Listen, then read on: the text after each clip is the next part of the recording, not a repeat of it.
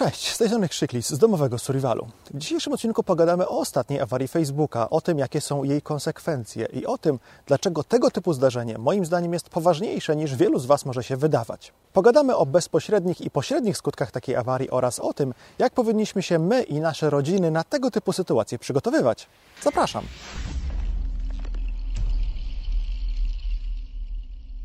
Kilka dni temu miała miejsce taka spora awaria Facebooka, w trakcie której padły tak naprawdę cztery serwisy: Facebook, Instagram, Messenger, czyli facebookowa aplikacja do łączności oraz WhatsApp.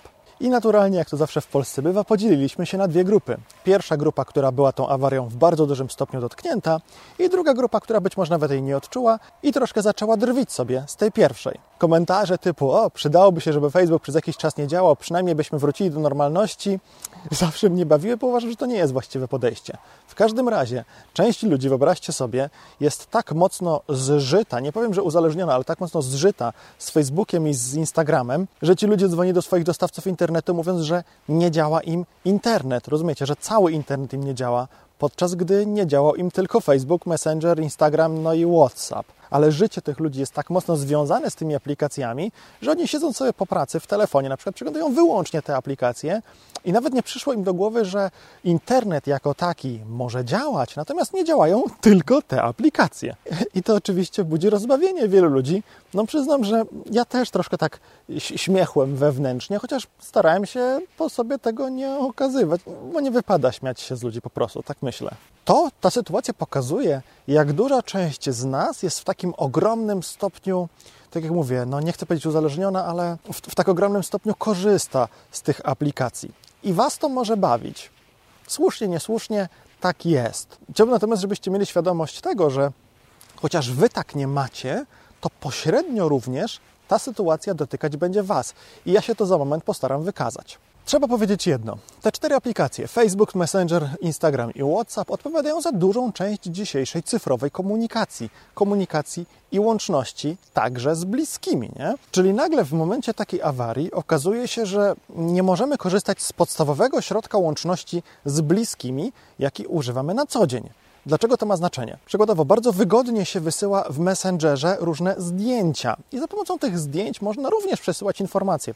Nie chodzi tylko o to, żeby wysłać komuś zdjęcie z ładnej okolicy, ale dajmy na to wysłać zdjęcie jakiejś instrukcji obsługi danego urządzenia, nie? Na przykład agregatu prądotwórczego. Wyślecie komuś instrukcję uruchomienia agregatu w formie zdjęcia, a potem on nie będzie mógł z tego zdjęcia skorzystać, jeśli mu się to zdjęcie nie zapisze lokalnie na telefonie komórkowym, a jak nie będzie działać Messenger, to nie będzie mieć dostępu do tego zdjęcia. W przypadku WhatsAppa jest chyba trochę lepiej, bo z tego co pamiętam, on zapisuje lokalnie w pamięci telefonu te pliki, które się mu prześle, więc tu nie byłoby tragedii, ale trzeba wtedy po prostu o tym pamiętać, żeby odpowiednią aplikacją wysłać te zdjęcia, które w jakiś sposób są dla nas ważne. W ogóle uważam, że jeśli chodzi o taką cyfrową łączność, powinniśmy mieć przynajmniej kilka różnych, równoległych, niezależnych kanałów komunikacji. Pierwszym zawsze będzie telefon, połączenia głosowe i SMS-y. Drugim może być Messenger, ale jako trzeci nie można traktować WhatsAppa, jeśli Messenger i WhatsApp paść mogą w tym samym momencie. Czyli jeśli nie WhatsApp, to na przykład Telegram. To są niezależne byty i można zakładać, że jeśli padnie cały Facebook, cały ekosystem Facebooka, to ekosystem Telegrama być może nie padnie. Takie fajne powiedzenie anglojęzycznych preperów two is one, one is none w przypadku Messengera oraz WhatsAppa nabiera jeszcze większe znaczenie, bo tak naprawdę te dwie aplikacje to jest jeden ekosystem, no i jak ten jeden ekosystem padnie, to nie będziemy mogli korzystać z żadnego. Chciałbym jednak zwrócić Waszą uwagę na to, że komunikacja z bliskimi i łączność z bliskimi to nie tylko jest wysyłanie wiadomości, to również jest ustawienie statusu na Facebooku. Ja wiem, nie jest Wam to do niczego potrzebne, nie musicie tego robić. Ja się z tym doskonale zgadzam. Sam też niewiele rzeczy wrzucam na Facebooka.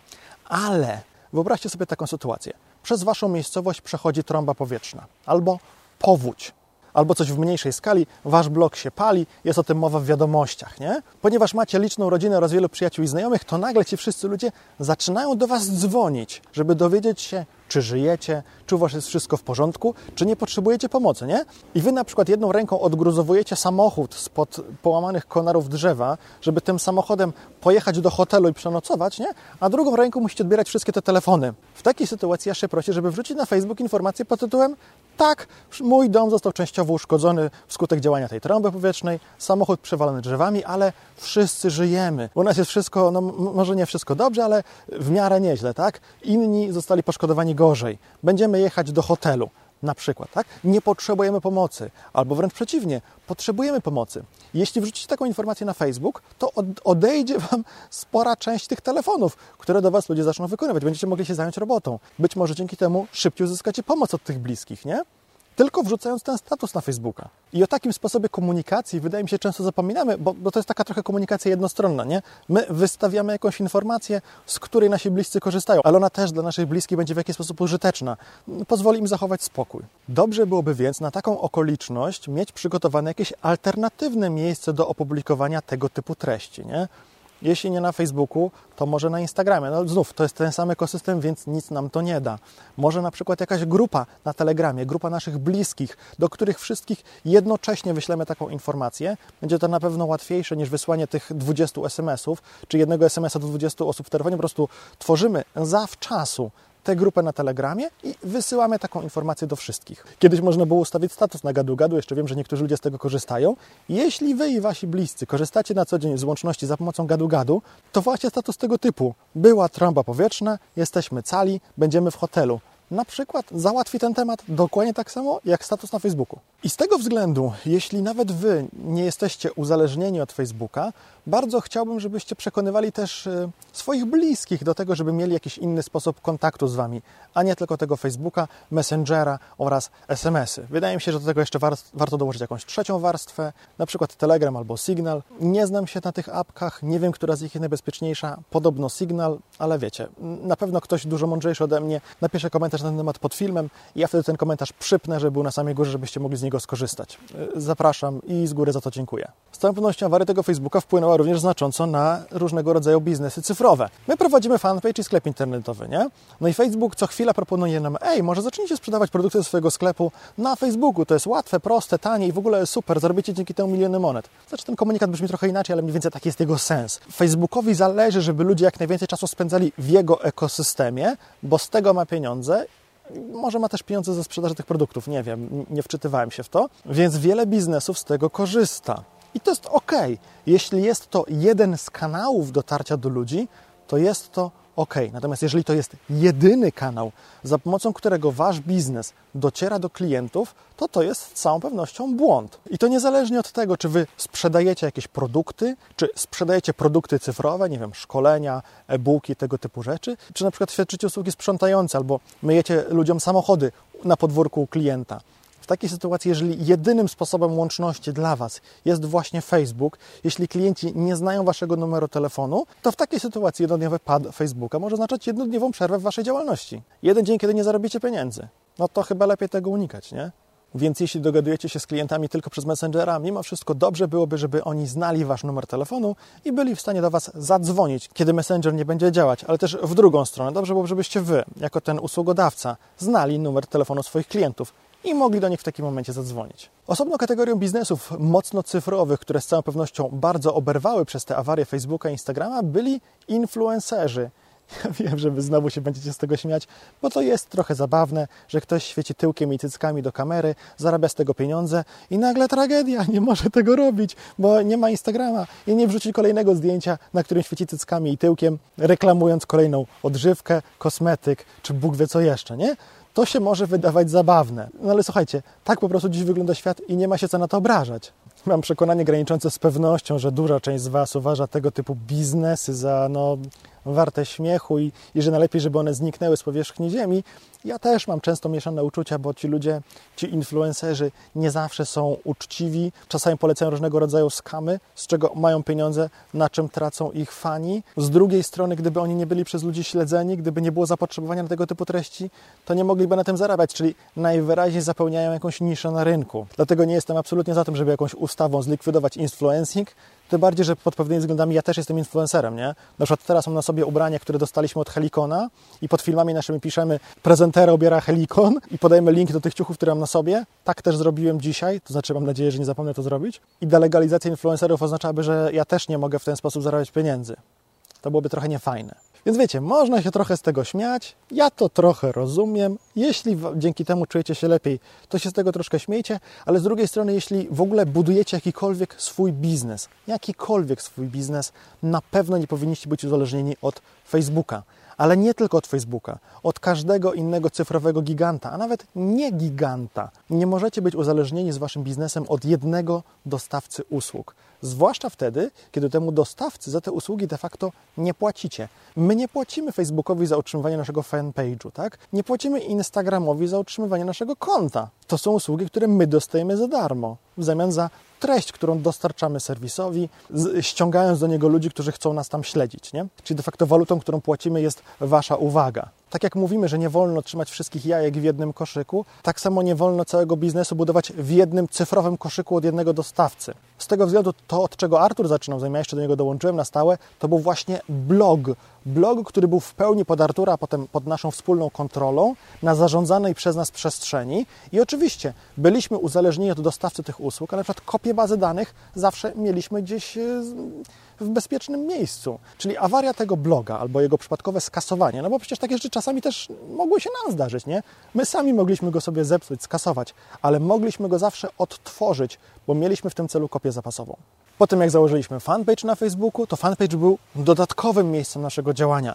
W dużym stopniu powielaliśmy treści między blogiem a fanpage'em, w sensie wrzucaliśmy zajawki artykułów z bloga na fanpage, Czasami rzucaliśmy coś wyłącznie na fanpage, ale zawsze na blogu była wklejka z Facebooka, która te informacje ściągała. I ponieważ przyzwyczajaliśmy tych ludzi z Facebooka do tego, że zawsze powinni czytać treści na blogu, to była szansa, że nawet jak Facebook padnie, oni będą pamiętać, że ten blog istnieje i na blog wejdą, jeśli będą poszukiwać jakichś informacji. Na przykład o tym, jak zbudować filtr do wody, albo jak długo trzeba gotować wodę, żeby podać ją dezynfekcji. Tu jest materiał na ten temat. Jak zaczęliśmy działać na YouTubie, no to znów filmy nasze są embedowane na blogu. Jak YouTube padnie, to te filmy wiadomo na blogu działać nie będą, ale od jakiegoś czasu kopia zapasowa wszystkich naszych filmów jest w serwisie cda.pl i tam też nasze filmy można oglądać, bo one się automatycznie ściągają z YouTube'a na CDA i na CDA są dostępne. To przed czym w takiej sytuacji chcemy się zabezpieczyć, to nie tylko awaria takiego serwisu, lecz także ban w takim serwisie. Możemy w dowolnym momencie dostać bana od Facebooka czy od YouTube'a. Nie robimy raczej nic, to znaczy przynajmniej nic na ten temat nie wiem,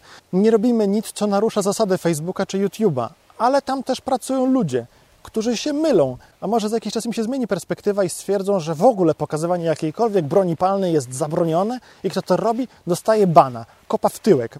Prywatne biznesy mają prawo podejmować takie decyzje, nie? No, mam co, znów, co do tego też mam mieszane uczucia, bo to są prywatne biznesy, ale z drugiej strony w bardzo dużym stopniu są to monopoliści. Ktoś nam może włamać się na konto i wykasować z niego całą treść, albo wrzucić tam jakieś, nie wiem, rozebrane czyjeś filmy i przez to dostaniemy bana na to konto, nie? Może nie będziemy w stanie go odzyskać. Scenariuszy, w których nasz YouTube czy nasz Facebook przestanie działać, jest zbyt wiele, żebyśmy nie byli na to przygotowani. I uważam, że każdy, kto buduje cyfrowy biznes, powinien mieć kilka różnych dróg, sposobów dotarcia do swoich klientów czy fanów, tak jak my docieramy do Was. I po to właśnie całkiem niedawno założyliśmy na Telegramie coś, coś będącego odpowiednikiem fanpage'a i grupę dyskusyjną. Linki do tych miejsc są oczywiście w opisie pod filmem. Od jakiegoś czasu je tam sukcesywnie dodajemy. Jesteśmy też na Twitterze, mieliśmy i musimy naprawić forum dyskusyjne. Jak już je naprawimy z powrotem, to będzie dostępne wyłącznie dla patronów i dla osób, które kiedyś miały konto na tym forum. Przy czym chyba zrobimy tak, że forum będzie mógł czytać każdy, natomiast pisać, dyskutować będą mogły tylko osoby, które mają konto i dzięki temu stanie się to dodatkowym miejscem, w którym będzie można mieć jakiś kontakt z nami, będzie można dowiedzieć się, co u nas dzieje, czy poczytać informacje, które kiedyś tam dawno dla Was przygotowaliśmy, żebyście mogli z nich skorzystać. Docelowo chcemy również uruchomić newsletter, czyli po prostu listę wysyłkową mailową, za pośrednictwem której będziemy do Waszych skrzynek mailowych dostarczyć informacje o nowych wpisach na blogu i o tym, co się dzieje, jeśli zacznie się dziać coś złego, o tym, co się dzieje jak w takiej sytuacji należy reagować, żeby zapewnić sobie maksimum bezpieczeństwa. Tak? Czy to będzie znowu jeszcze jedna warstwa, jeszcze jedna metoda docierania do Was i może się okazać najskuteczniejsza, bo być może przez jakiś czas internet i łączność internetowa będzie jeszcze działać i my wtedy wyślemy ten newsletter, on do Was dotrze na Wasze skrzynki mailowe, wiadomość od nas ściągnie się Wam na telefony i będziecie mogli z niej skorzystać, kiedy już nie będzie łączności, bo ona już będzie na Waszych telefonach, rozumiecie, nie? I dlatego gorąco zachęcamy, żeby śledzić nas we wszystkich tych miejscach, do których linki są w opisie pod filmem po to tworzymy treści, po to wrzucamy je w tak wiele różnych miejsc, żeby właśnie móc uniezależnić się od tych cyfrowych gigantów i lepiej zabezpieczyć przed ich awariami i przed awariami na przykład internetu. Wreszcie jeszcze jeden aspekt, o którym być może powinienem powiedzieć wcześniej, ale jakoś tak mi to wyleciało z głowy, więc powiem teraz. Logowanie za pomocą Facebooka. Zresztą nie tylko Facebooka, także konta Google. Jest wiele serwisów, typu na przykład sklepy internetowe, jakieś tam mniejsze serwisy społecznościowe, jakiś tam, nie wiem, blog, gdzie się coś komentuje, albo żeby mieć dostęp do treści, to trzeba się zalogować. I tam bardzo często, coraz częściej są wklejki, zaloguj się przez Facebooka, zaloguj się z kontem Google na przykład, nie? To jest spoko, bo bardzo ułatwia życie, Ułatwia życie również właścicielowi tego sklepu internetowego czy tego serwisu z treścią. Natomiast dobrze byłoby, żeby to nie była, jeśli jesteś właścicielem tego serwisu, jedyna metoda logowania się tam. A jeśli w takim serwisie masz konto i chcesz z niego korzystać, to żeby to nie była jedyna metoda dla ciebie, żeby na to konto się dostać. Musisz mieć tam normalnie założone konto na e-mail z hasłem. To zawsze będzie dodatkowa możliwość zalogowania się na to konto, nie? Na co dzień logujesz się za pomocą Facebooka, Możesz nawet nie pamiętać tego hasła, nie mieć go nigdzie zapisanego. Skorzystasz z opcji przypomnij hasło i ono pójdzie wtedy do Ciebie mailem. Jeśli działasz na odwrót, zapomnisz hasła i mail nie będzie Ci działać, albo nie wiem, ktoś Ci schakuje skrzynkę mailową, no zalogujesz się z pomocą konta na Facebooku. Dwie metody logowania są zawsze lepsze niż jedna. Two is one, one is none. To, do czego Was chciałbym gorąco zachęcić, to żebyście mieli również inne metody cyfrowej łączności z bliskimi niż tylko Facebooka, Messengera, Whatsappa i Instagram. Wiem, że duża część z Was już teraz ma te inne metody łączności, jak na przykład Telegrama albo Signal, ale zadbajcie o to, żeby Wasi bliscy również tego Telegrama i Signal mieli poinstalowanego w swoich telefonach. W ogóle temat tego, jak dużym kataklizmem będzie brak internetu, jest dużo obszerniejszy i dlatego nagraliśmy o nim osobny materiał, który znajdziecie tutaj. Na koniec tradycyjnie chciałbym Was bardzo gorąco zachęcić do zasubskrybowania naszego kanału za pomocą tego odnośnika, aby nie przegapić kolejnych filmów, które do Was przygotujemy oraz do wspierania nas na Patronite za pomocą tego linku, bo patroni mogą oglądać wszystkie nasze filmy dwa dni wcześniej i w dodatku bez reklam. Do zobaczenia w następnym filmie. Trzymajcie się. Cześć!